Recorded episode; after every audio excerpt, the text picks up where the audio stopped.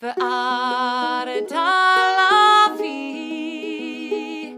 Does dim un lle fel fy ngardrefi. Fy ardal a fi. Cari pob un darn o'n ardal Helo a chroeso i chi i'r podlediad nesaf yma. Fi'n siŵr bod y gwyneb yma yn gyfarwydd iawn i chi a bod dim eisiau fi gyflwyno hi i chi. Ond, geith i gyflwyno i chi'n i chi nawr a esbonio ble i ni heddi. So, helo pawb, Jalisa dwi a heddi i ni yn Llansawel, Britain Ferry, yn fy studio ddansio Unit 6 by Ebony a Jalisa, ble i ni'n cynhyrchu dosbarthiadau dawns canu, actio i plant a hefyd ni'n neud cwpl o dosbarthiadau i oedolion, oedolion hefyd. So ie, yeah, ni yn y studio heddi. Ffantastig, waw, felly ers pych chi bod fan hyn, mae, mae lle yn hygoel. O, oh, diolch, wel yn greiddiol oedd y lle o'r enw um, Taylor and Son, so nhw'n neud fel o, work unit o fe. Um, so ni wedi dod fan hyn yn nestod y cyfnod glo. Oh, wow. Like, oedd, y waled yma, oedd dim byd mal gwbl, oedd e'n like empty box, da loads o rubble yn ddo fe, oedd e'n stinking mewn hyn. Um, so ie, yeah, yn ystod y cyfnod clo, ni di roi'r walydd lan, roi'r mirrors lan, popeth, just creu rhyw fath o studio ddawns. Wrth gwrs mae o'n rustic, mae o'n mae o ddim yn like squeaky clean neu dim byd fel la, mae fe'n just lle rili really hoeli'r plant ddod. Um, so ni ddim ond i bod fan hyn ers y cyfnod clo, um, ond ni wedi gwneud yr ysgol yn 2019. So mae fe ddim yn hen o gwbl, ond ni ddim ond i cael y siawns i wneud chwech mis cyn i ni, cyn y cyfnod clo. So, o'n ni wedi tyfu mor gyflym, um, achos wrth gwrs yn greiddiol o'n i yn Pwtolbet, ble fi wedi cael fy magu. So fi'n gwybod lot fawr o bobl lawr yna, so then fwy haws, word of mouth yn fwy haws chi'n gwybod. Ond ni ddim yn gallu ffindo unrhyw le i roi studio, so oedd rhaid i ni symud lawr y stryd tipyn bach i Llansawel, a wedyn ni di um, land o fan So dyma ni yn Llansawel nawr. Mae'n le ffantastig. fi'n siŵr bod chi'n gallu gweld o'r fideos. Mae ma cymeriad yma i'r lle yma. Dwi e ddim fel bocs rhagor, ych chi wedi rhoi stamp eich hun ond yma. Fi'n credu, mae'n mae, rhywle neis i'r plant, mae'n rhywle yeah. nhw fwynhau fel i ti'n gweud a cael y profiadau yma, ond mewn lle Ie, yeah, mae fel, wel, wel welwn ni y cwtch ac yn y blaf ble maen yeah. fwynhau a, a, ac ymlacio, ond yfa? Ie, yeah, pan o fi'n ifanc, o'n i'n dawnsio mewn um, community centre. So, wrth gwrs, oedd e dal yn hwyl, ond o'n i ddim wedi cael y siawns i fod mewn studio fawn, so o'n i ddiff, byth yn dansio o flan mirrors, o'n i byth yn dansio dy llawr dans sydd ni yn y studio nawr, oedd fel like laminate, la, normal laminate flooring, yeah. a oedd um, yeah, oedd e just yn normal community yeah. centre. So. A mae hwn fi'n teimlo, mae'n ychwanegu i'r profiad, y plant eto, ond yw, e, o ran datblygiad nhw i ddawnsio o flan, drych fel y ti'n gweud, yeah. ar llawr cywir ac yn y blaen. Mae yeah, no mae gyd yn ychwanegu nhw cael y profiad yna a gallu yeah. mynd mlaen yn y dyfodol. Ie, yeah, exactly. A pan ni'n neud drama, ni'n cloi y curtains, achos dwi ddim moyn i'r plant edrych ar eu hunain pan maen nhw'n neud actio, achos mwy afrif o'r amser. I chi ddim yn gallu gweld eich hun pan chi'n actio, yeah. so helpu datblygu fach o confidence hefyd. So, neu, a hefyd, mae nad osbath rili really fach dy fi. A maen nhw ddim yn licor drycha. Yeah. So fi am cael y curtains, yeah. achos a wedyn maen nhw'n cael, maen nhw'n nhw mynd ar gof yn yr ystafell. So mae fe'n rili really neis gweld nhw yn datblygu fel yna yeah. hefyd. So, a yeah. mae ddech chi'r opsiwn sy'n ffantastig yn dweud, mae'r rhai'n yeah. hoffi fe'n nefeidio. A mae hwnna'n lot o hwnnw fe'n dweud, rhoi'r hyder i'r plant i byrhau, chybod yeah. yn y perfformio, dawnsio ac yn y blaen. Ie, yeah, na fe. Fi'n rili really edrych mlaen, gobeithio nawr dros y uh, misoedd nesaf bod teuluoedd yn ddechrau rhoi'r plant nôl mewn i pethau. Um, achos mae o'n anodd ydy e dod allan o'r cyfnod clo a ddechrau wneud pethau fwy aml. Um, mae lot fawr o'r mamer hyn o bryd, maen nhw'n anghofio bod danston nhw ar dydd iawn. So nhw fel, oh my gosh, dwi'n anghofio iddi, so sorry fi fel, it's fine. So ti yn ffindo mynd nôl i, i fod wyneb yn wyneb, achos yn amlwg dros y cyfnod clo, o'ch chi wedi gorfod addasu llwyth um, i yeah. neud popeth ar, ar y we. So sio ti ti'n ffindo yeah, pawb yn dyn ôl fan hyn i'r studio?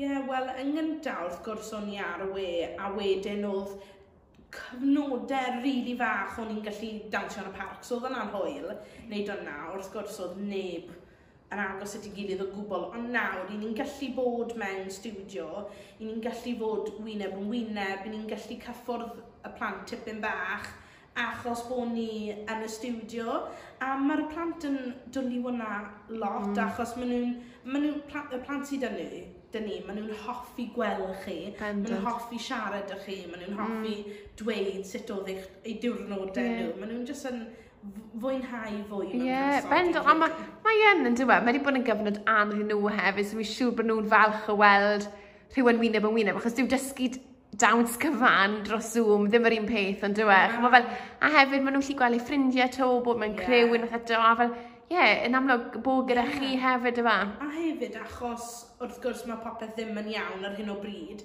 maen nhw hefyd yn gallu creu ffrindiau newydd, achos yeah. mae yna grwps a clics o bobl o blant sy'n mynd i'r ysgol, yr un ysgolion, ond hefyd mae yna lot fawr o ysgolion dynnu, mae'r yeah. ysgolion Gymraeg a Saesneg, a plant o Cotolbod a um, mae cwbl yn dod o Abertawe hefyd oh, wow. ar hyn o bryd. Achos i ni yn y ganol, yeah. mae fe'n cwici dod fan hyn yeah. o Abertawe, a wrth gwrs lot fawr o castell nedd allan sawel hefyd. So. Oh, ffantastig, felly mae ffordd da i greu ffrindiau hefyd, a mwynhau. yeah. Wel, ni do mewn nawr i studio bach cyffroes iawn, mae'r rhaid dweud. Be sy'n digwydd mewn fan hyn? So, hwn yw'r studio fwyaf sydd yn ni yn um, yn y unit i gyd. So mae yna tri studio, mae yna studio fawr, studio bach a studio canu dyn ni hefyd. So mewn fan hyn, i ni'n neud lot fawr o dansio a hefyd y ddrama hefyd. So mae lot fawr o ysbwthiadau dyn ni. mae ballet, mae dansio, mae sioe gerdd, mae hip-hop, street dance, adult hip-hop dance fit ble mae oedolion yn gallu bwgi i unrhyw beth 90s vibes. Waw! Fe'n mor hwyl. a hefyd i ni'n ddechrau wneud 16 plus classes um, i ni'n mynd i ddechrau wneud rhyw fath o like, pre-professional course. Oh, wow. Just dim ond unwaith yr wythnos, two hours a week yn wneud canu, dansio, actio a street dance hefyd. So, fel fath o like, crash course fath o beth yeah. i'r plant sydd yn 16 ac i fyny. Ffantastig, felly chi'n yeah. cynnig rhywbeth i fach o bawb, da? Odyn. Ond ydych chi bob noswaith yr wythnos, neu os mae rhywun eisiau ymuno na, beth, beth i nhw'n wneud? so, ar hyn o bryd i ni, um, dydd mawrth i ni wneud street dance teams a contemporary, wedyn heddi nawr, um, dydd mercher, i ni wneud drama, street dance, freestyle, adult hip-hop heno. Wow. Wedyn dydd Gwener i ni wneud ballet, wedyn dydd Sil i ni wneud um, street dance a sioe gerdd. Um, a hefyd i ni'n gwneud one-to-one singing hefyd, so private tuition yn canu hefyd. O, oh, ffantastig. Felly mae digon o ddewis. Beth bynnag maen nhw, mae pobl eisiau wneud o ran canu neu actio. Mae digon o ddewis. Felly cofiwch cysylltu â Jalisa neu ar y Facebook os ydych yeah. chi eisiau ymuno neu cysylltu. Yeah. i ni ar Facebook ar Academy Art by Ebony Jalisa. Roi little inbox i ni a wedyn ni'n gallu cael chi set o lan. A mae free first trial. O, oh, ffantastig. O, oh, hyfryd. Anreg bach neis i chi gyd. Free. Felly, yn amlwg, allan nhw'r holl dosbarthiadau gwahanol yma, os rhywbeth cyffroes ar y gweill, os rhywbeth Lle yn so, y dyfodol? Ie, yeah, mae'n agency i plant yn ni, so ble ni'n rhoi plant mewn am auditions, so maen nhw'n gallu gwneud pethau ar y tyledu a pethau fel a hefyd cael ei talu i wneud o. Um, so wrth gwrs maen nhw'n gallu just dansio neu wneud drama, neu os mae yna unrhyw beth yn dod lan ble maen nhw'n edrych bod nhw'n mynd i bod yn perffaith, ni'n gallu rhoi nhw'n mlaen am hwnna. A hefyd mae dyn ni um, gobeithio um, diwedd y blwyddyn i ni'n mynd i Alton Towers am y penwthnos dy'r grwpiau dansio stryd. Mae tri grŵp dyn ni, so o dan 8 oed, o dan 10 ac o dan 14, so mae'n tri grŵp dyn ni. Um, so mynd i wneud cystadleuaeth, gobeithio bod e'n mynd ymlaen. Waw, yeah. wel mae hwnna yn newyddion cyffroes. Chwarae teg, wel ni'n gyd fi'n credu'n croesi bysel bod chi'n mynd i allu fynd, a fi'n siŵr bod y plant wrth ei bodd yn mynd fyna. Fy ar y dal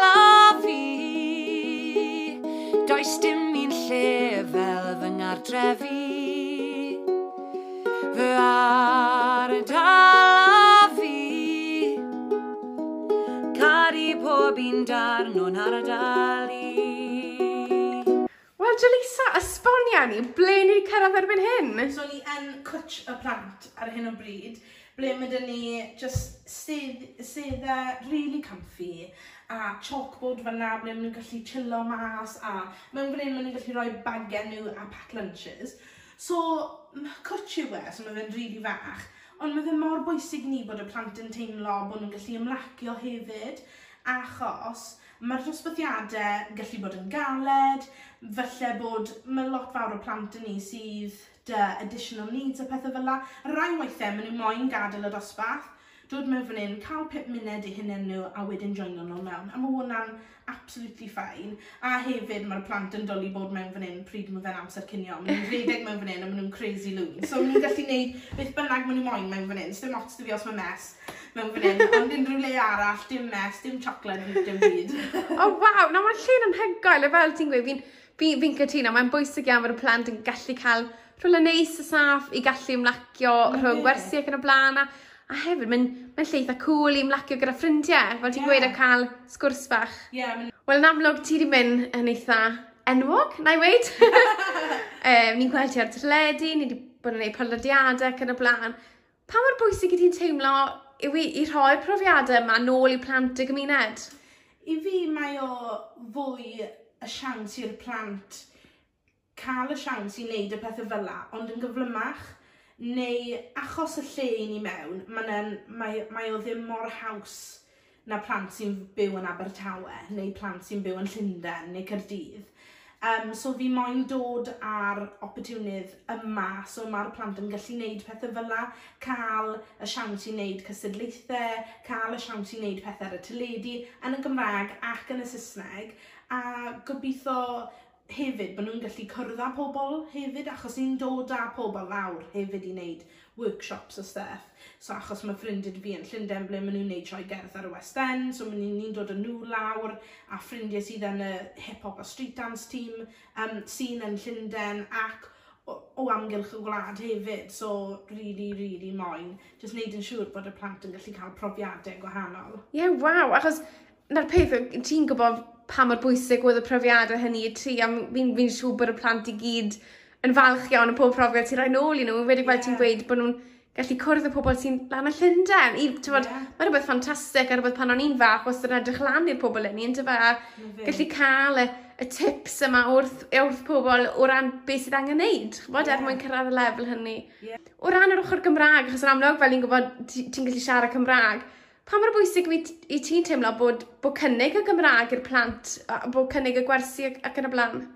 Mae o'n rili really bwysig, achos heb yr iaith Gymraeg, byddai ddim ble dwi. So dwi wedi cael yr opportunity i wneud pethau. Ar y teledu, dwi wedi cael, hyd yn oed pan o fi yn byw yn Llundain, ges i job mewn um, siop dillad, achos bod fi'n gallu siarad fwy nag un iaith. So i fi helpu'r plant lleol i siarad yr iaith tu fas yr ysgol yn rili really bwysig achos wrth gwrs o amgylch fan hyn, sdim lot fawr o teuluoedd yn siarad y Gymraeg yn y tŷ. So mae o'n bwysig bod nhw'n neud pethau maen nhw'n dwlu neud, ond yn y Gymraeg, yn lle just eistedd lawr a wneud pethau yn yr ysgol yn y Gymraeg. So mae o'n rili really bwysig. A gobeithio hefyd bod ni'n gallu wneud rhyw fath o dosbarthiadau yn patolbeth hefyd, ond yn y Gymraeg. Ie, so yeah, e. ffantastig. A fi'n siŵr bod y plant yr un peth mwynhau cael y cyfle i siarad o iaith tu allan yr ysgol yn tyfach. Yeah. Fel ti'n gweud, mae'r cyfleoedd weithio'n bryn iawn, ond um, datblygu hyder ac yn y blaen wrth wneud y holl bethau yma yeah. trwy gyfrwng Gymraeg, okay. sy'n ffantastig.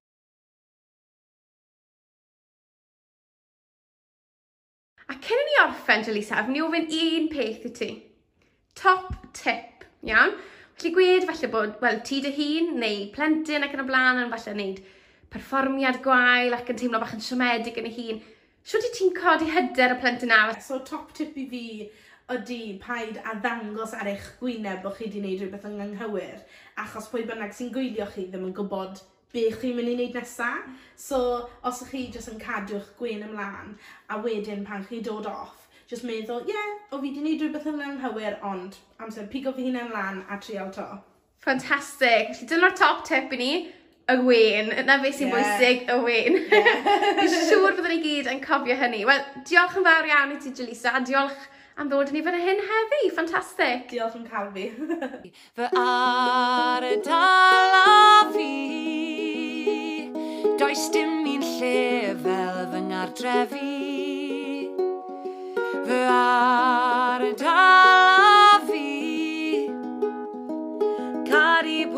andar non ardali